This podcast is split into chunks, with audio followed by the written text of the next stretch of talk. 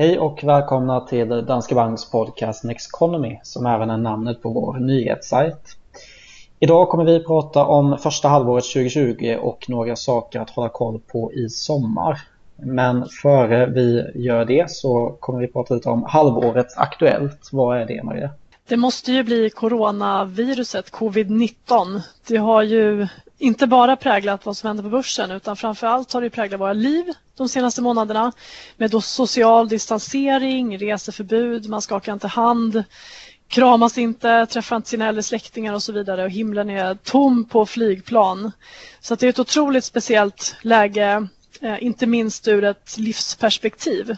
Mm. Men sen eh, är ju det här en investeringspodd så att vi fokuserar väl kanske på vad som har hänt på marknaden då. Ja exakt och bara som en, alltså i början så, jag menar när, när vi gick in i det här året och fick de här första indikationerna på coronaviruset där i slutet på januari då, då var det ju ingen grej. Det gick ju från att inte vara någonting, i alla fall för västvärlden, till att bli någonting väldigt snabbt också. Ja, det gick ju väldigt fort. Eh, från att det först var en grej för kinesisk del eh, där vi såg att coronaviruset fanns i Kina, att börsen skakade till där men västvärlden var ganska oberörd. Och sen när Kina började stänga ner så var det fortfarande som att vi tittade på det eh, och konstaterade att det där var någonting som drabbade dem och eh, det tog ganska lång tid så här i backspegeln innan man började förstå att samma sak var att vänta i både Europa och USA och egentligen i stora delar av världen då. Mm. Men um, det här har ju påverkat portföljerna rejält. Både på räntesidan, för räntorna har ju sjunkit ännu mer eh, sedan den nivå de var på början av året. Börsen har ju åkt berg och dalbana minst sagt. Och sen så kan man konstatera att även om det lugnat ner sig och börsen har återhämtat stora delar av tappet så är ju den här krisen långt ifrån över. Det sprids fortfarande globalt och nu ser vi ju lokala smitthärdar som blossar upp. I USA så är det över 20 amerikanska delstater där spridningstakten faktiskt ökar och flera av dem är ju stora folkrika delstater, Miami, Florida, Kalifornien med flera. Eh, vi har ju lokala utbrott också i Gällivare eh, från LKABs gruva som man spårat det till. Eh, I Tyskland stiger R-talet också beroende på små mm, smitthärdar på olika platser. Men det här gör ju att man kan behöva göra lokala nedstängningar, sätta in lokal distansering igen. Och risken finns ju att om det blir för många sådana här när folk börjar röra sig ute som vanligt och kanske inte tänker på det här längre, då kan ju det faktiskt komma att fördröja återhämtningen i ekonomin och det kan också orsaka turbulens eh, även framgent på börsen. Så det har varit halvårets aktuellt och det kan mycket väl vara samma sak när vi tittar tillbaka på andra halvåret tror jag faktiskt. Mm. Fortsättning följer. Mm. Och eh, då går vi vidare till halvårets fråga för eh, någon, en sak som man fick som fråga i början på året var är det dags att sälja? Och, eh, ja, för då hade börsen stigit till all time high. Precis. Och då började alla fundera på om det var dags att ta hem den där vinsten. Ja, exakt. Ett väldigt starkt 2019 som man började fundera och USA gick väldigt starkt också så då fick man frågan om man kanske skulle ta lite vinst i USA-fonder och sådär. Mm. Eh, men och sen då när kraschen kom, då kom ju frågan om man skulle sälja för att rädda sina pengar. Mm. Och sen har vi haft en uppgång efter det och nu kommer ju frågan återigen då om man ska sälja för att det har gått så snabbt uppåt. Exakt. Det, det, är något av halvårets fråga får man säga. Ja, och svaret är ju egentligen detsamma varje gång. Det är ju nej, mer eller mindre i alla fall. Mm. Eh, för det här, om man börjar med när börsen står på all time high och man känner att det gått väldigt starkt så är det i sig ingen säljsignal. Dels så ser man att när börsen noterar nytt all time high så är den ofta inne i en stark trend. Vi får ofta flera all time high noteringar följande kort in på varandra. Jag menar, tittar man på en historisk börsgraf så kan man ju bara genom att kolla på den se att börsen har ju kontinuerligt stigit högre ända sedan börsen uppfanns. Så hade man sålt så fort den nådde nya höjder så hade man ju missat väldigt mycket avkastning. Mm. Um, så att um, det är ju ingen signal om att man ska sälja. Men sen Nej, kan man precis. ju göra andra saker som rebalansera till exempel. Ja. Ja, men bara generellt så är det ju alltid svårt att säga om det är ett bra läge att sälja eller inte. Och för de allra flesta så är det bättre att tänka långsiktigt än att försöka fatta perfekta beslut. Så mm. Eh, som vi har varit inne på tidigare så tid på marknaden överträffar timing av marknaden nästan alltid. Ja. Ehm, men eh, om man ska gå in på några orsaker till att sälja så är det precis som du sa, rebalansera portföljen. För som jag var inne på tidigare då med att USA-fonder till exempel gick starkt under 2019, ja men visst, då kan man ju faktiskt rebalansera lite i början på året och köpa mer av andra delar i en global aktiemarknad då så att man viktar om portföljen. Så det är ju en sak. Och har man en portfölj som består av 50-50 aktier och räntor eller någon annan fördelning för den delen så blir det ju så att när börsen stiger över tid så kommer aktier börja utgöra en större del. Och samtidigt som det kan kännas bra när börsen stiger så ska man komma ihåg att det kan då slå hårdare än vad man önskar när det väl går ner. Och börs, börsnedgången är väldigt svår att förutse, timing är svårt. Um, så att det rebalansering gör är ju att man, man säljer dyrt och man köper billigt när det gått ner. För när det gått ner så minskar aktieandelen och då ska man öka på den. Mm. Så att det, det är ju en mycket bättre strategi än att bli livrädd när det rasar och agera eh, i antingen panik att komma ur när det faller eller att komma in när det stiger och man känner att man inte är med. Precis, och det positiva där är att det är automatiskt för antingen så gör man det kanske årsvis då att man rebalanserar portföljen eller så gör man det via en viss procentsats när portföljen har avvikit från den strategiska allokeringen som man har valt. Då. Så mm. även om det inte sker helt automatiskt så är det ändå ett automatiskt beslutsfattande för du följer bara en princip och du tar inte dina egna känslor kring marknaden. Du tar inte hänsyn till dem i beslutet så det är alltid positivt. Och det gäller ju även månadssparande då, för det var ju också en fråga som kom, speciellt mm. där det rasade, om man skulle stoppa sitt månadssparande. Ska man sälja och ska man sluta månadsspara och vänta på att det lugnar ner sig? Men det ska man ju inte heller göra, för att slutar man månadsspara när det går ner och inte vågar sig tillbaka in först det stigit igen, så kommer du inte få samma låga snittkurs som du får eh, om du bara då, om du fortsätter köpa hela vägen ner. Mm. Så att månadssparande ska man inte röra och rebalansering är bättre än att agera i panik. Kan man Precis. hålla sig bara till de två reglerna så har man kommit ganska långt. Mm. En annan orsak, alltså en anledning att sälja, det är ju om förutsättningarna har förändrats så man behöver ändra sin risknivå. Alltså är det så att tidshorisonten, riskvidjan eller förmåga att bära förluster har ändrats, då kan det vara dags att sälja också, som vi har varit inne på i tidigare avsnitt. Ehm, men det kan ju vara till exempel om man närmar sig pension, att man vill göra någon förändring då, eller om man har fått en större insikt bara kring sin riskvidja i de här tiderna kanske. Mm. Alternativt att man har någonting i ens privatekonomi har förändrats då. Så... Ja, det kan handla om att man behöver en stor, större boende mm. eller att man ska göra andra förändringar också som gör att man eh, börjar se att de där pengarna kanske behövs inom en överskådlig framtid. Exakt. Och då eh, är det ju klokt att ta ut en del eh, eller hela summan beroende på hur långt bort det där köpet är från börsen då.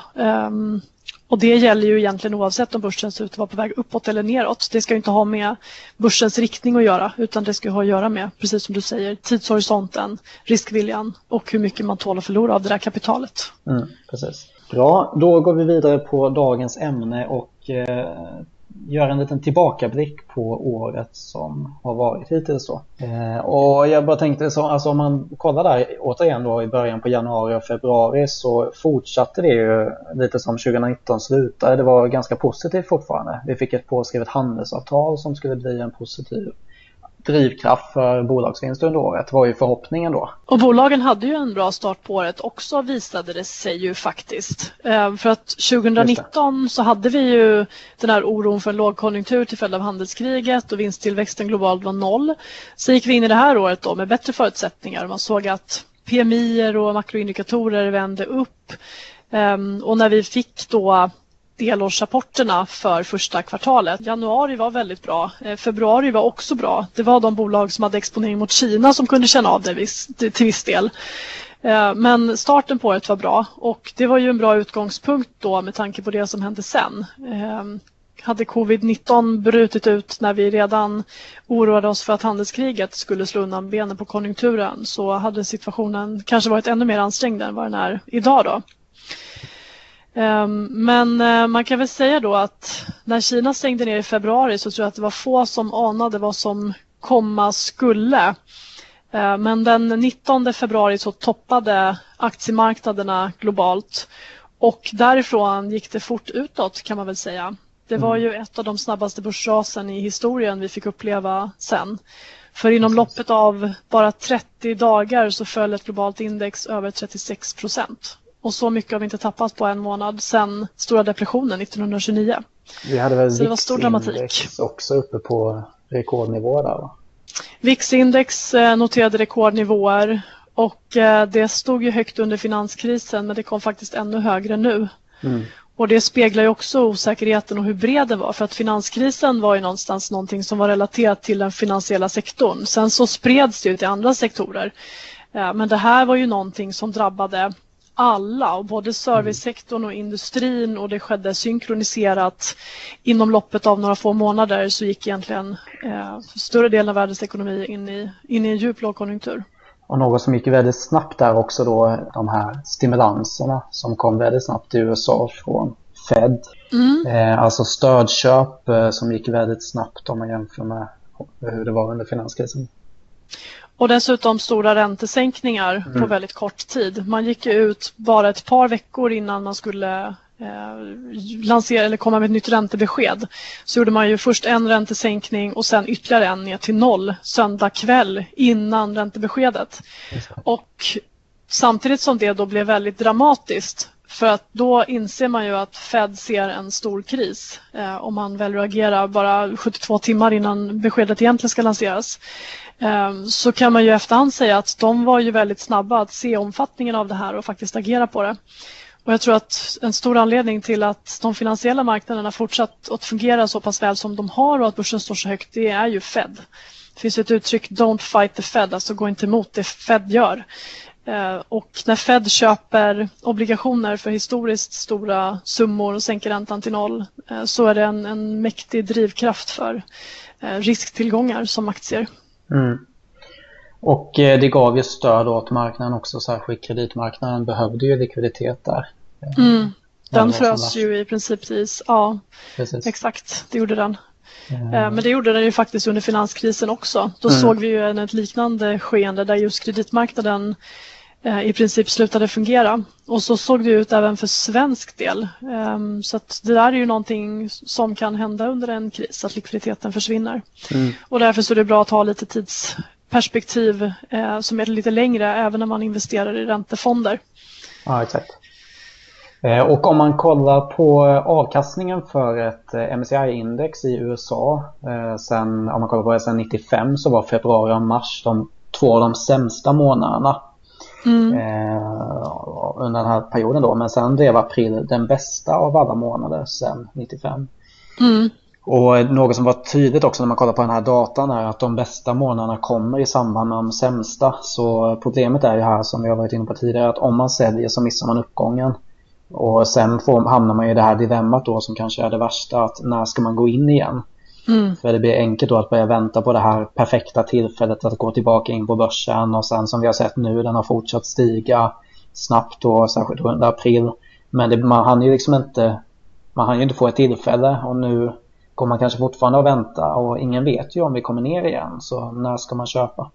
Mm. Så eh, det, det, är svårt det där och man hamnar i det här med ångeraversion då man vill inte gå in igen för att se börsen krascha så då låter man pengarna vara kvar på sidlinjen och då förlorar man ju pengar i form av att man har en alternativkostnad i form av förlorad avkastning också. Om man låter pengarna ligga på konto då kommer ju pengarna ätas upp av inflationen över tid också.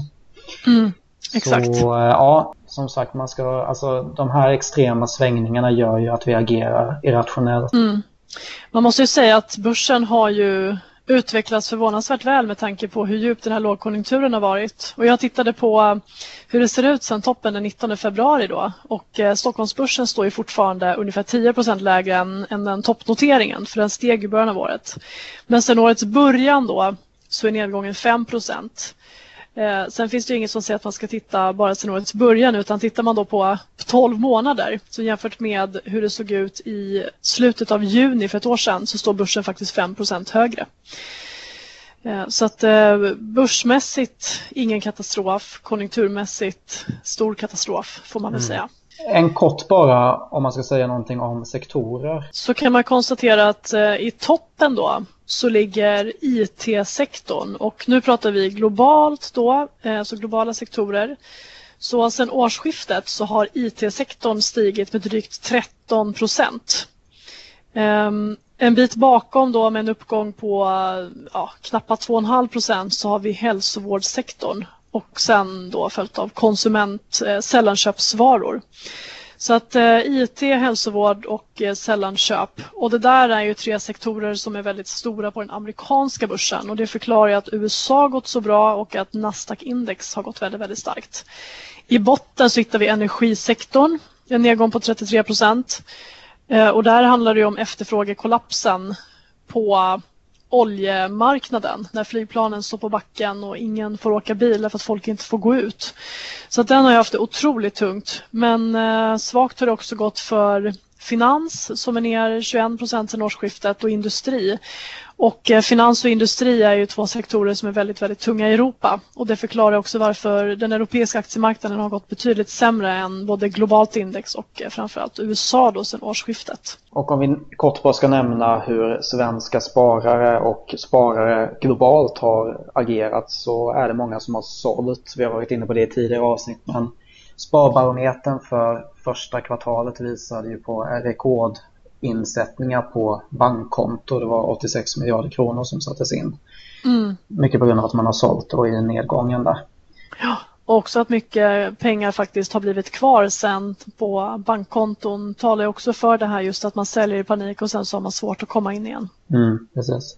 Och eh, Fidelity har tagit fram data i USA också och där ser man också att det är väldigt mycket pengar som finns cash eh, numera. Och även där visar det sig att det var en ganska stor del av de äldre investerarna som hade sålt alla sina aktier då. Så en tredjedel av de som var över 65 hade sålt med alla sina aktier medan det var ungefär en femtedel om man kollade på alla åldrar. Mm. Och det kan väl vara ett resultat av att man har haft en jättefin uppgång nu då om man då har varit med om hela den så kanske man också har blivit lite girig där på slutet och man har tagit mer risk än vad man kanske borde ta när man börjar närma sig pensionen och så. Mm. Så det gäller ju alltid att ha en risk som man kan hantera. Eh, det är det, det det handlar om. Att ha en strategi för när man ska sälja redan innan man köper. Så att det inte hamnar i det där att nu har börsen gått ner de här 30 procenten och nu ska jag plötsligt tänka på hur jag ska agera utan det ska redan vara klart tidigare. Mm. Eh, bra, då tänker jag att vi ska gå in på några saker som man kan tänka på i sommar och som man kan följa i sommar. Och eh, om vi börjar med rapportsäsongen som vi var inne på. Ja, rapportsäsongen är ju förstås superintressant. Den tenderar ju alltid att vara intressant av någon anledning. Eh, men den här gången så handlar det ju mycket om vad bolagen säger om Q3.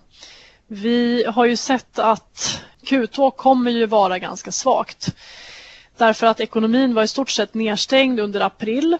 I maj började den mer och mer öppnas upp och det där har ju fortsatt in i juni. Och tittar man då på makrodata och indikatorer, eh, sentimentsindikatorer, eh, PMI med mera så kan man ju se att aktiviteten i ekonomin ökar och synen på framtiden har ju tagit ett rejält hopp uppåt. Och det man behöver kunna se nu under rapportsäsongen det är ju att bolagen också bekräftar den här bilden av att efterfrågan är på väg att återvända och att man ser att aktiviteten bland kunderna ökar, att försäljningen kommer igång.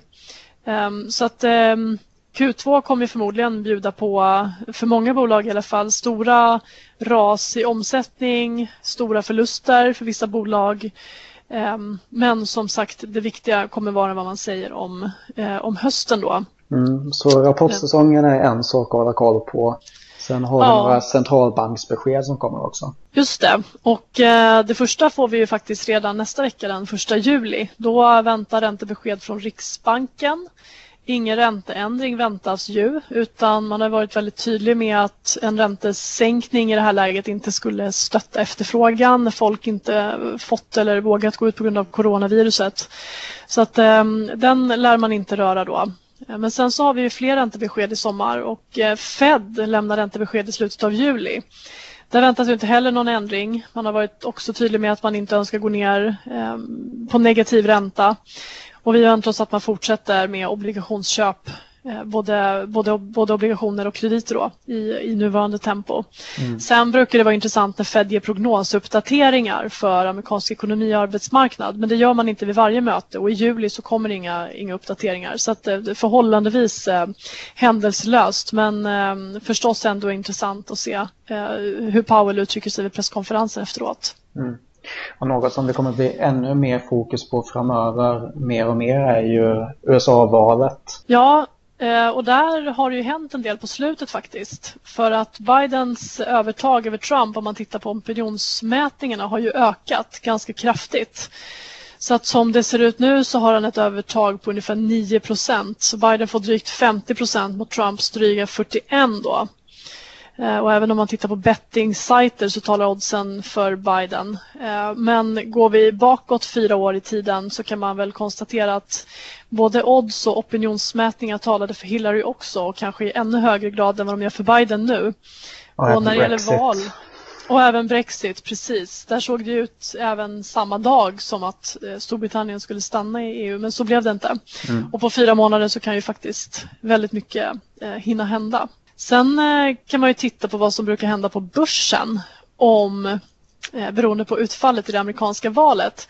Och eh, om man tittar på året efter det amerikanska valet så har det varit bättre normalt sett då att det sittande partiet får fortsätta styra oavsett om det varit republikaner eller demokrater.